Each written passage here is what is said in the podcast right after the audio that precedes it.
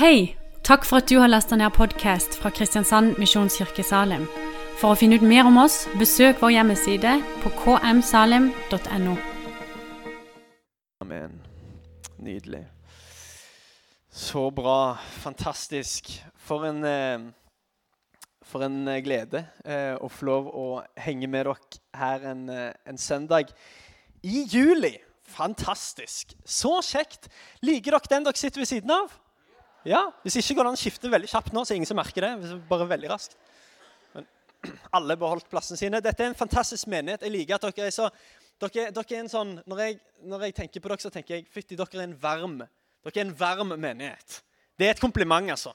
Dere er en gjeng med varme mennesker som har plass og rom. og Eh, og er bare veldig veldig fine. og Oppmuntringene sitter løst, og latteren sitter løst. Det gleder meg. Det er utrolig gøy eh, å få lov til å være her. Det har jeg sagt. Thomas heter jeg. Jeg er fra Sandnes. Eh, er det noen andre fra Sandnes? Ingen som tørte å bekjenne det. Det er greit. Eh, jeg er gift med ei sykt nice ei. Hun heter Karoline. Eh, og vi har eh, vært gift i ni år, faktisk. Eh, og vi har vært sammen siden vi var 14 år. Eh, så vi har holdt ut himla lenge. Eh, men det går greit, eh, vil jeg bare si. Eh, og jeg trodde vi hadde noe på gang. da, Det er jo litt viktig å vite, bare sånn at dere skal bli litt kjent med meg. Så trodde jeg jeg hadde noe på gang med Karoline på ungdomsskolen. Det hadde vi ikke. Eller, eller, ja, jeg hadde på en måte noe på gang med hun, på en måte, men hun hadde ikke det med meg. på en måte. Og så tok jeg hun til slutt med opp på et fjell. Dette, altså På et høyt fjell så sa jeg sånn Skal vi være sammen, eller noe? og da da sa hun sånn Og det tok Jeg tok bare det som et ja, på en måte. sant? Så, det, så vi var sammen siden da. Eh, og eh, på en måte, det gikk veldig bra. Eh, i, eller det vil si, hun grein, eh, ringte venninnen sin og grein seg sjøl eh, til søvne den kvelden der. Eh, og jeg skippa hjem. sånn som dette, skippa hjem, Priste Herren, var kjempefornøyd. Eh, og så eh, holdt vi koken på dette i liksom, noen år, eh, fem år ca. Så sa jeg sånn Du, skal vi gifte oss? Og hun sa Og så har vi på en måte vært gift siden da, ca. Så Kjempebra. Eh, tusen takk for applausen. Eh, det er på en måte hun som skal ha applaus, eh, så du får gi hun en klapp på ryggen neste gang jeg ser henne. Men eh, akkurat nå så har jeg eh, neste år, altså 2023, så har jeg ti års jubileum på å ta en bachelor. Så jeg prøver på en måte å bli ferdig med det. Eh, derfor er jeg i Oslo for tida og prøver liksom å runde av. Eh, med, med, jeg pleier egentlig ikke å si at det er bachelor, jeg sier bare jeg har studert i ti år. Så får jeg veldig mye respekt. Så det har jeg gjort eh, de ti siste årene. Jeg har òg brukt de siste tre-fire årene på å skrive denne boken her, som heter 'Avokadoeffekten'. Eh, det er en introduksjon til å leve entusiastisk, står det her. Eh, og det jeg prøver på her, det er å, å liksom slå hull på noen av de mytene. At det å være entusiastisk det handler om å være en sånn der, eh, en eller annen kopi av Petter Stordalen og elske mandager. Og, altså, du må ikke det. Det er mye mer uh, dyptgående enn som så. Uh, og en av de definisjonene som jeg bruker, det er at det, det handler om å la det du har blitt berørt av, få lov å berøre alle områder av livet. Det er det det vil si å være entusiastisk. Jeg har blitt berørt av noe, jeg har sett noe, jeg har fått noe, jeg har smakt noe, jeg har lest noe, jeg har lukta på noe som berørte meg, og så lar jeg det Jeg, jeg, jeg lar det ikke bare forbli liksom en intellektuell greie eller en emosjonell greie. Nei, jeg lar det få lov til å berøre alle områdene av mitt liv. Du vet, Entusiasme kommer fra det greske ordet entusiasmos, som egentlig er satt sammen av to ord. En, som betyr i, Teos, som betyr Gud. Så egentlig det å være entusiastisk, det betyr eh, egentlig ganske direkte oversatt å ha Gud i seg. Det er ganske interessant. Så eh, Jeg snakker en del om det. Den boken koster 249. Hvis du har lyst til å kjøpe den, så står jeg og selger den etterpå. Uten forord av Øystein Gjerme står det òg her. Det er viktig å få med seg. Han har ikke skrevet forord. Og dette er kanskje det som gjør boken helt unik. For det er jo ingen bøker nå til dags som er uten forord Alle kristne bøker. Av en eller annen grunn så har han liksom sneket seg inn med et forord i absolutt alle bøker. Så hvis du er på jakt etter skikkelig friskt pust i din bokhylle, så anbefales denne. Amen, halleluja. Navnet Over alle navn er overskriften, og det tror jeg til og med kommer opp på skjermen. Navnet over alle navn. Du vet, vi må være ærlige et lite øyeblikk. Vi er jo i kirka tross alt. Eh, og jeg, får bare lyst til å bare male et lite, kanskje et litt sånn depressivt bilde, men vi skal lande på en god tone her etter hvert. Men det må jo i hvert fall være lov å si at man lever i relativt turbulente dager. Sånn, litt sånn, det er litt, det er litt, vanskelig å navigere seg som menneske, som et moderne menneske. Eh, og, og, jeg kan bare snakke for meg sjøl, men, men, det å være en ung person i, i, et samfunn som vårt det kan være litt utfordrende. Og hvis man ser den ene veien, så, så er det jo eh, ekstremister som har fått tak på vår våpen og, og, og, har tatt livet av uskyldige. Ser man andre veien, så ser man fanatikere som liksom eh, som tar til seg mikrofonen og, eh, eh, og, på en måte stilner stemmene til mangfoldet. Og Hvis ikke du ser noen av de veiene, så sørger avisene for å, på en måte blåse opp en orkan i vannglassene sine. Eh, og så har du i tillegg til det da, ganske intense influensere, eh, eller påvirkere, som man kaller det på norsk folk som eh, eh, har masse følgere, eh, og som er veldig opptatt av å bruke alle tilgjengelige virkemidler for å gi deg størst mulig og mest mulig dårlig samvittighet for at du ikke mener nøyaktig det samme som de. Og hvis du sauser alt dette sammen med pandemier og algoritmer og, og liksom all slags opplegg, så får man det vi kaller på Jæren eh, Da får man det som vi kaller for a perfect storm. Det er ingen på Jæren som sier det, men altså en perfekt storm. Det er alt. Alle planetene har gått på linje, på en måte. Hvordan i all verden? Og hvis man på toppen av dette igjen Så jeg vet ikke om det er bare jeg som har merket dette, men kanelboller har blitt alvorlig dyrt! 56 kroner betalte jeg sist gang jeg skulle ha kanelboller. Sant? All, alle planetene er på linje. sant? Hvordan skal man navigere oss i alt dette? Men det som jeg synes har vært gøy de siste ukene, så har jeg fått lov å være med på litt forskjellig og, og sett litt sånn hva, hva, som skjer i landet vårt, og det er mye gøy. Og, og, og det som jeg synes er fantastisk, det er at Gud han, han er litt sånn uforstyrra av alt dette. Det syns jeg er gøy å følge med på. at Gud han er litt sånn udistrahert. Han har ikke fått med seg de smålige debattene i vårt land. Han har ikke hengt seg opp i overskriften i Dagbladet, liksom. Det går bra. Han på en måte, han har sin agenda. Og vet du hva, Det som er så gøy, det er at Gud han igjen så virker det som på meg at han driver på å hviske på folk eh, og drar på folk. Og, og leder neste generasjon til å finne seg sjøl igjen i det tidløse navnet Jesus. Du vet det navnet som ikke tæres av tidens tann. Du vet det navnet som aldri blekner. Vet du hva, Det er noe med navnet Jesus. Det er noe med navnet Jesus. Jeg, jeg jobba litt på en, en, en, en, kristen bokhandel når jeg var litt yngre. Eh, og hun som jeg jobbet med da, eh, som drev den sjappa, fantastiske dame. Helt nydelig dame. Eh, og hun på en måte drev bokhandel. Altså, Det var ikke det hun egentlig ville med den sjappa. hvis du skjønner hva jeg mener. Altså, Hun solgte noen bøker, noen oljer fra Israel og noen servietter. og noe greier. Men det hun egentlig dreiv på med der, det var hvitvasking i ordets rette forstand. Sant? Jeg mener det. Jeg så svarte ulver gå ut som hvite lam fra den butikken der. Det er helt, For hun hadde en vill strategi.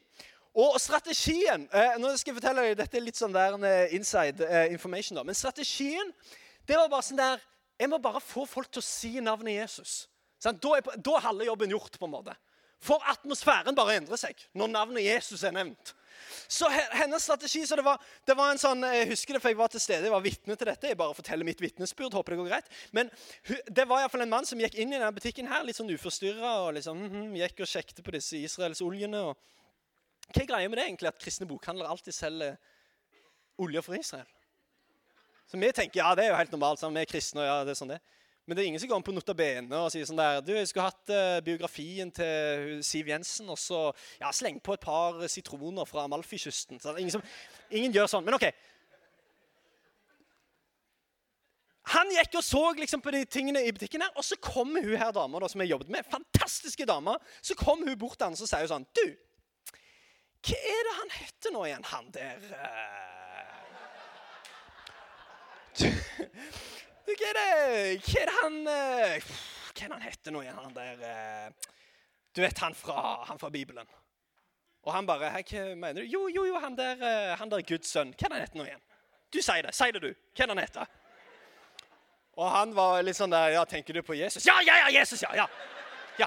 Kan du si det en gang til? Ja, Jesus. Ja, litt høyere. Jesus! Sånn? Og til slutt så sto han og ropte Jesus i butikken. Dette er en sann historie. Og jeg er sikker på han ble befridd fra en eller annen demon i samme slengen. Det var helt vilt å være vitne til. Og han gikk ikke ut med noen bøker i hendene, men han hadde et navn på leppene. Fordi det er noe som skjer når du nevner navnet Jesus. Det er noe med navnet Jesus Det er noe med navnet Jesus som bare gjør at atmosfærer endrer seg. Det er noe med navnet Jesus som bare gjør at perspektiver endrer seg. Det er noe med navnet Jesus som gjør at situasjoner bare endrer seg. Og vet du hva? Det er noe med navnet Jesus som gjør at mennesker bare endrer seg. Det er noe med navnet Jesus det er noe helt spesielt med navnet Jesus. Jeg liker å tenke sånn at Navnet Jesus er på en måte passordet for å forløse Den hellige ånds kraft i rommet. Det er på en måte passordet. sant? Den hellige ånd han står litt på sidelinjen. Han drikker kaffen, følger med, liksom lurer på når skal det skje noe. Hei, han venter liksom på, Skal ikke noen snart snakke om navnet Jesus? Skal ikke noen snart, snart nevne det navnet, sånn at han kan bryte inn og gjøre et mirakel? Sånn at han kan bryte inn og berøre en situasjon. Fordi det er noe med navnet Jesus som bare endrer atmosfæren. Det er noe med det navnet. Det går ikke an å forklare det. Men det som er interessant, det er at de første disiplene, de første apostlene, de kristne, de snakket om navnet Jesus som om det var personen Jesus. For de var, var, det akkurat det samme. Etter Jesus Kristus hadde dødd og stått opp igjen og vist seg for disiplene, og han drar til himmelen, så er de på en måte og Jesus sier det er faktisk bra at de drar, for da kan jeg sende Den hellige ånd. Og de får Den hellige ånds kraft. og de går rundt, og, og, og når, de, når, de, snakker om Jesus, så snakker de ikke om Husker du han der personen Jesus? Men de sa du kan tro på navnet Jesus. De snakket ikke tror du på Jesus. Nei, tror du på navnet Jesus? Fordi det der er tro i navnet Jesus, det er frelse i navnet Jesus.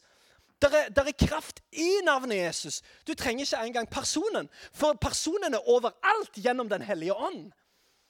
Så det man tror på, er navnet. Det er interessant at de første kristne snakket om navnet Jesus som om det var personen. Og Vi skal, vi skal ta apostlenes gjerninger tre her. Eh, og Det kommer også opp på skjermen. og Så skal vi lage noen poenger sånn etter hvert.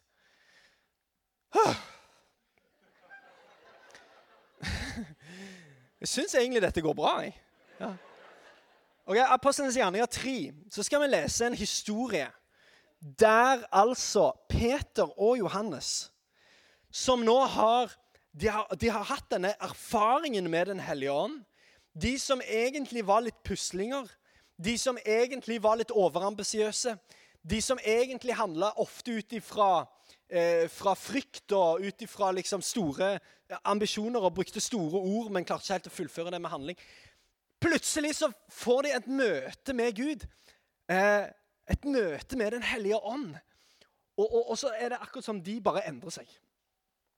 Og Vi skal lese noe som liksom viser deres frimodighet her. Apostelens gjerninger 3, vers 1, eh, så står det at Peter og Johannes gikk en dag opp til tempelet til ettermiddagsbønnen ved den niende time. Da kom noen bærende på en mann som hadde vært lam helt fra mors liv. og Hver dag satte de ham ned ved tempelporten, som kalles Fagerporten. Så han kunne tigge om gaver fra den som gikk inn på tempelplassen. Da han så Peter og Johannes som var på vei inn, ba han om en gave, og de så fast på ham. Og Peter sa, 'Se på oss.' Han gjorde det og håpet de ville gi ham noe, men Peter sa, 'Sølv eller gull har jeg ikke, men det jeg har, vil jeg gi deg.' I Jesu Kristi Nasareerens navn, reis deg og gå. Og han grep ham i høyre hånd reiste ham opp, og straks fikk han styrke i føttene og anklene. Han sprang opp, sto på føttene og begynte å gå omkring. Han fulgte dem inn på tempelplassen, hvor han snart gikk, snart sprang, mens han sang og priste Gud. Det er tre ting som jeg ønsker du skal få med deg denne søndagskvelden. Og Det første er dette. Det er kraft i navnet Jesus. Det er kraft i navnet Jesus. Jeg liker deres eh, tilnærming på denne situasjonen, Peter og Johannes. Det sitter altså en lam mann som har vært lam hele livet. Han er, han er blitt over 40 år, står det litt senere i historien. Altså Han har sittet der i, i, år etter år. så har de ført denne lamme mannen. Han hadde noen gode venner. Og, og, De hadde ført dem fram til tempelplassen, for det er klart at det var veldig strategisk. Der gikk folk for å ære Gud og prise Gud og ble liksom påminnet liksom samvittigheten sin. Ja, hva har jeg egentlig tenkt å gjøre med, med den troen som jeg har? Og, uh, det, det, det, falt sikkert litt sølv og gull over på denne mannen stadig vekk. Men her sitter han, han hadde masse behov. Han hadde ikke Nav, han hadde ingenting. Uh, og, og, der setter han altså lam Eh, og så, så, tenker jo andre ser Peter og Johannes her er det igjen noen som skal tilbe eh, eh, inn i tempelet og skal prise Gud og, og, og be til Gud. Eh, har dere noe sølv? Har dere noe gull? Har dere noen gaver? Og Tilnærmingen til Peter og Johannes er fantastisk og noe vi kan lære av. fordi eh, For det første så var det jo ikke det den mannen trengte. Han, hadde, han, han spurte om noe som var en slags sånn der plaster på såret, egentlig. Nei, det han trengte, Eh, det var ikke det han spurte om. Eh, og det, de, det, det, det, han faktisk spurte om, var jo iallfall ikke det Peter og Johannes hadde. De hadde jo ingenting. Men det de hadde, det ga de videre. Og vet du, hva, Det bare elsker med Peter og Johannes at de er så frimodige og sier sånn der Det du spør om, jeg, jeg har ikke peiling, men kan jeg få lov å gi deg noe bedre? Jeg har noe mer, jeg har noe bedre. Det jeg har, det skal du få. Jeg har ikke svaret, jeg har ikke løsningen, men det jeg har, det skal du få. De, de, stopper ikke opp og sier 'Å ja, uff, trenger du Jeg har ingenting, men la meg ta en runde.' Liksom, kan jeg, kanskje jeg kan starte en innsamlingsaksjon? Eller liksom, trenger du noe annet? Jeg har noe ekstra mat? Liksom. Nei, de, de, de liksom later ikke som de har svaret. De sier 'Nei, det har vi ikke', men det vi har, det kan du få. Det vi faktisk har, det kan du faktisk få av oss. Du skjønner, Noe av det dummeste som fins, det absolutt dummeste som fins, det er når Kirka prøver å gi verden ting han ikke har. Det er det absolutt dummeste som fins. Når vi prøver å snekre sammen vår egen teologi for å møte et eller annet liksom, følt behov. Du er helt dust. For det man egentlig har, er jo så mye bedre. Nei, jeg har ikke svar! Du vet, Folk forventer jo at bare fordi du er kristen, så har du svaret på alle livets store spørsmål. Nei, man har jo ikke det. Og det er jo helt sykt nå helt nede i liksom barnehagealder. så Barnehageunger skal være eksperter på seksualitet og kjønn og sånn. De har jo ikke peiling, de. Jeg har jo ikke peiling, skjønner du? Ja, men sant? Og det er veldig press. Og så skal man liksom se på ungdomsskole og videregående og så, å ja, er du kristen? Hva mener du om liksom ditt og datt? Du vet hva som må være lov å si? Vet ikke.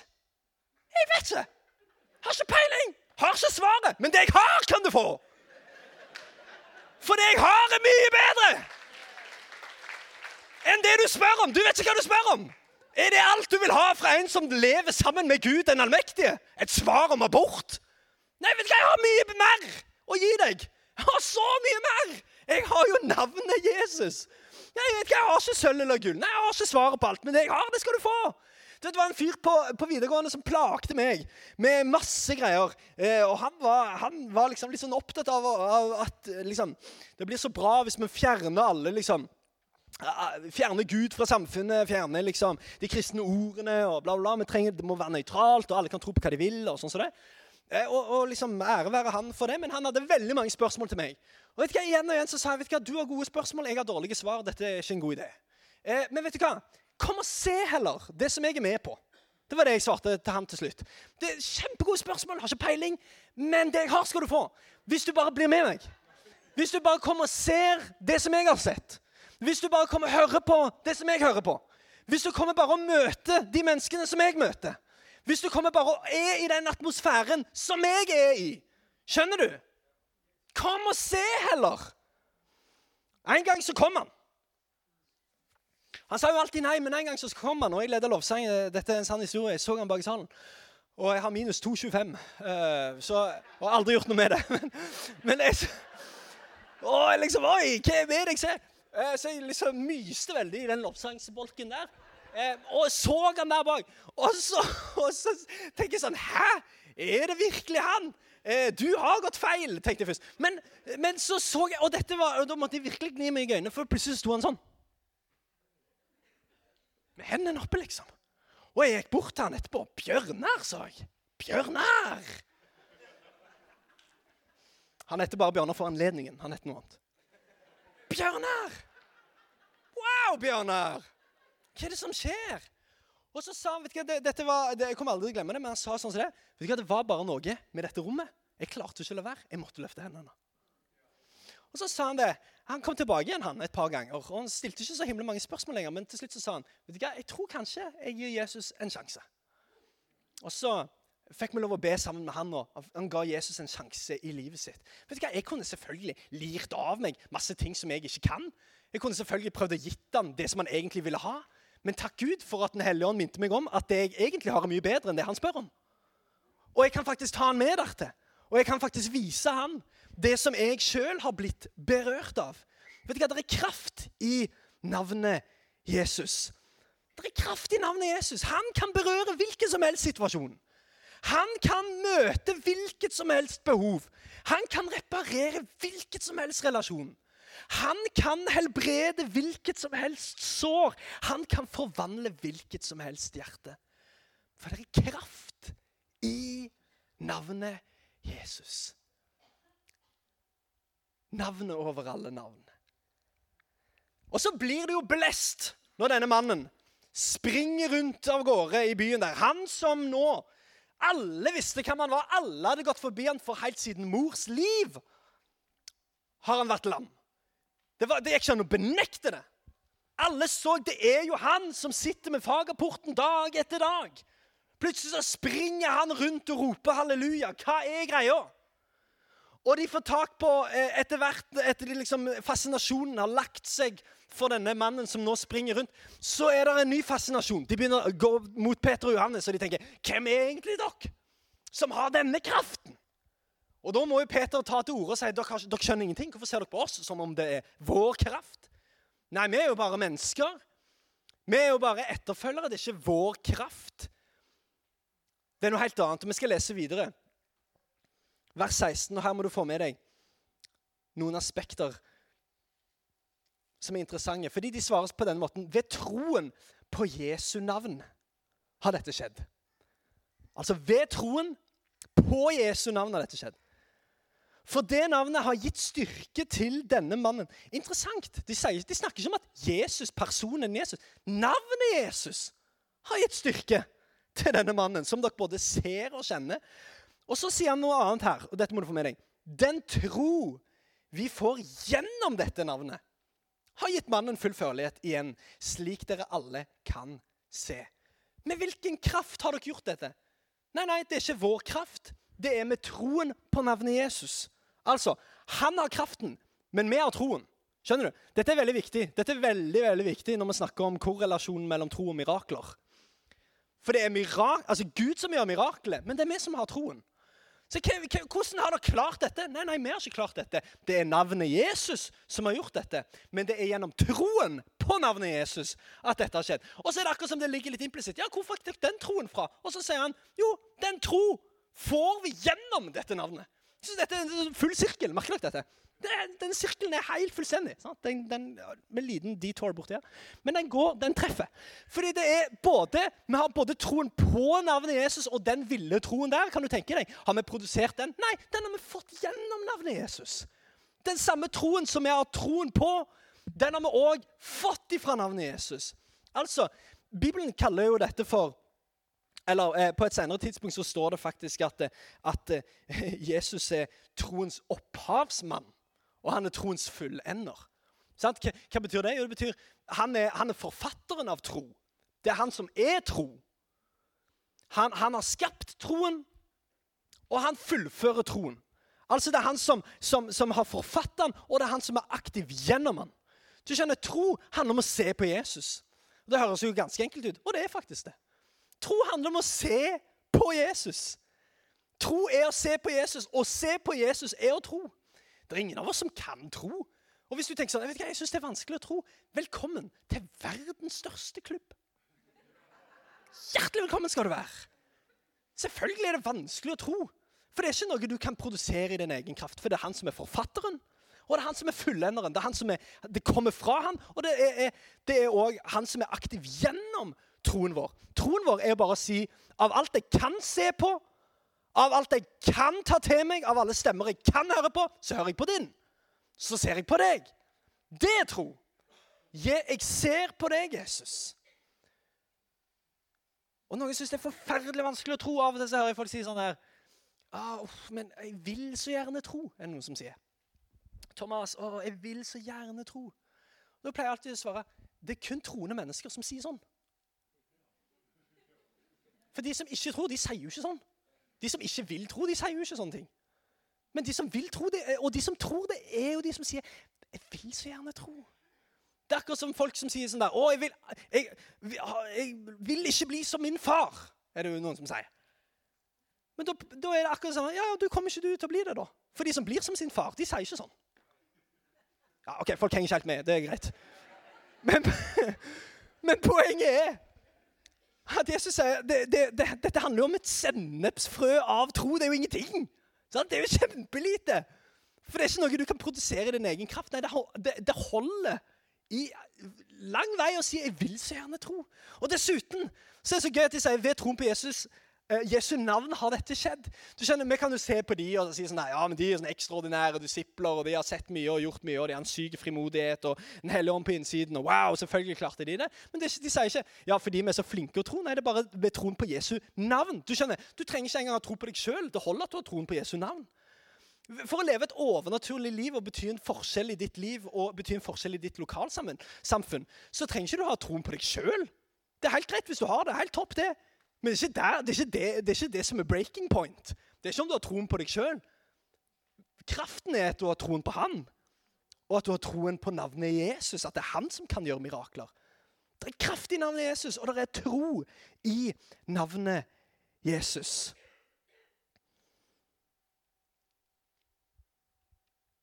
En siste tanke på dette med tro. Det kommer altså noen med en lam venn dette er en annen historie. Det står i Markus 2.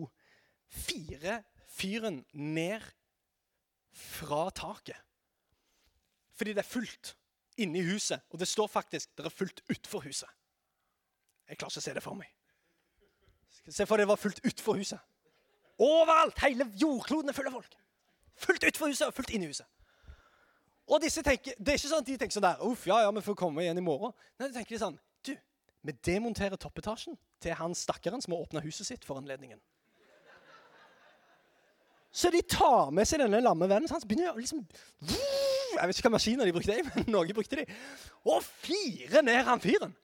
Og da tenker du jo sånn at Jesus ville sagt sånn der Hei, ta så kutt ut! Ta, da, slutt med det der. Ta fokuset vekk. Jeg er jo rett før jeg kom til punkt tre her. Gi dere med det der. Eller liksom Betal for skaden. Altså, Vil du tro at Jesus gjorde noe sånn? Men så bruker Jesus dette, og sier han sånn Wow! Wow, for en tro! sier han. Og Bibelen sier faktisk når han så hvor stor tro vennene hadde, sa han til den lamme. Det er jo en helt syk greie å gjøre. Han ser på troen til vennene, for de hadde virkelig tro. Og han ser på troen deres, og så sier han til den lamme syndene dine er tilgitt. Hæ? Når han så vennenes tro Han, vet, han sier jo ingenting om troen hans engang. Men han får syndene sine tilgitt. Og etterpå så sier han 'reis deg og gå'. Og da, det messer jo opp all teologi. Gjør det ikke? For da blir man sånn der OK, hei, hold on. Hvordan henger dette sammen, egentlig? Hvem er det egentlig som har en tro? Og, og dette er man veldig opptatt av når, når man liksom, i, i helbredelsesforkynnelse sånn Ja, det er viktig å tro. Ja da, det er jo det. Men, men hvem er det som må ha troen? Er det den som ber, som må ha en voldsom tro? Er det den som blir bedt for, som må ha en tro? Eller er det kanskje tilskuerne? Sånn som tydeligvis det skjer i Markus 2. Det er tilskuerne som har en tro. Svaret er I don't know. Men det viktige er ikke hvem som har troen. Det viktigste er hvem som har kraften. Og han som har kraften, sier vi skal be med tro. Forstår det den som kan. Men poenget er at det er tro i navnet Jesus. Det handler om å se på han. Det handler om å se Jesus Kristus. Det handler om å la han få lov til å være det som får vårt fokus. Det er tro i navnet Jesus. Det tredje punktet mitt det skal vi øyeblikk komme til. For det som skjer videre nå, det er jo at eh, tempelvakten, fariseerne, de jødiske lærerne, lederne, eh, de tenker jo vi er jo ferdig med Jesus. Han spikra de opp på et kors. De var kjempefornøyd. Barabas gikk fri. All good. Liksom, Dette har vi løst på, på en perfekt måte, tenker de. Nydelig! Rydd av banen, opprørerne vekke. Dette kommer til å dø ut. Øyeblikk. Men det dør ikke ut. Og det som skjer, er at på dette tidspunktet så, så står det faktisk litt senere i historien i Apostlenes 3, eh, nei, 4, så står det faktisk at det var 5000 som tilhørte kirka. Altså, det hadde ikke blitt mindre, det hadde blitt større etter Jesus dro. Etter Jesus var rydda av banen. Nei, det var enda flere, tusenvis nå plutselig, som gikk rundt og snakket om dette navnet Jesus. Som om personen fortsatt gikk der. Og De snakket om navnet Jesus som om det var kraft, som om det var frelse, som om det var tro i det navnet. Og De får tak på Peter og Johannes, eh, og så skal vi lese hva som skjer. For de blir selvfølgelig stilt for retten. Vers 7 i kapittel 4. De lot apostlene bli ført fram og forhørte dem. Med hvilken kraft og i hvilket navn har dere gjort dette? Og Da ble Peter fulgt av Den hellige ånd og svarte dem rådsherre og eldste i folket. Når vi i dag blir forhørt pga. en velgjerning mot en syk mann, og blir spurt om hvordan han har blitt helbredet, så skal dere alle og hele Israels folk vite dette. Når denne mannen står frisk foran dere, er det ved navnet til Jesus Kristus, Nasareeren, han som dere korsfestet, men som Gud reiste opp fra de døde. Han er steinen som ble vraket av dere bygningsmenn, men som har blitt hjørnestein. Det finnes ikke frelse i noen annen. For under himmelen er det ikke gitt menneskene noe annet navn som vi kan bli frelst ved. Det er frelse i navnet Jesus. Det er mitt siste punkt. Det er frelse i navnet Jesus. Kanskje bandet bare kan gjøre seg klar. Det er frelse i navnet Jesus. Vær den som påkaller Herrens navn, skal bli frelst. Vær den som påkaller Herrens navn, skal bli frelst. Har du tenkt over hvor absurd setning det er? Vær den som påkaller Herrens navn, skal bli frelst. Jeg, jeg, snakket nettopp med en venn av meg som sa sånn Vet du hvorfor Bibelens Gud er den sanne Gud? Og jeg sa Har noen teorier, men uh, fortell. Eh, og da sa han eh, fordi Gud, eh, Bibelens Gud er helt absurd. Så, så tenkte jeg søren, ja, det kan jeg preke om. Ja, fy søren, Han er helt absurd! Hvordan kan du vite at Bibelens Gud er den sanne Gud? Fordi du hadde aldri kommet på å lage en sånn Gud i ditt bilde. Aldri! Aldri hadde du kommet på å lage en sånn Gud. Og Nytestamentet messer jo opp alt. For det er klart I Gamle testamentet så skimter man jo en stor, mektig, fantastisk Wow! liksom. Han er, han er overalt alle. Han går i krig for Israels folk. Han er liksom der oppe. Mens i Jesus så møter man òg en annen side ved Guds personlighet. Og det her, dette, det her, liksom, dette bare krasjer fullstendig. Fordi du tenker sånn OK, hvis meg og deg skulle skapt vår egen Gud i vårt eget bilde, og, på en måte skrevet historien om hvordan vår Gud tråkker inn i historien, så hadde de fleste skrevet om en eller annen fyr som kommer med kappe og ild. Og som, som kommer fra himmelen, og alle ser det. Og Han kommer der, han har makt, og han er svær, han er stor, han er ni meter høy. Og, liksom, kom, og han har masse skjegg. Sant? Masse skjegg! Ah, han har sverd i hånda. Og han kommer der, og alle er livredde og frykter denne store, skumle guden. Selvfølgelig hadde du gjort det.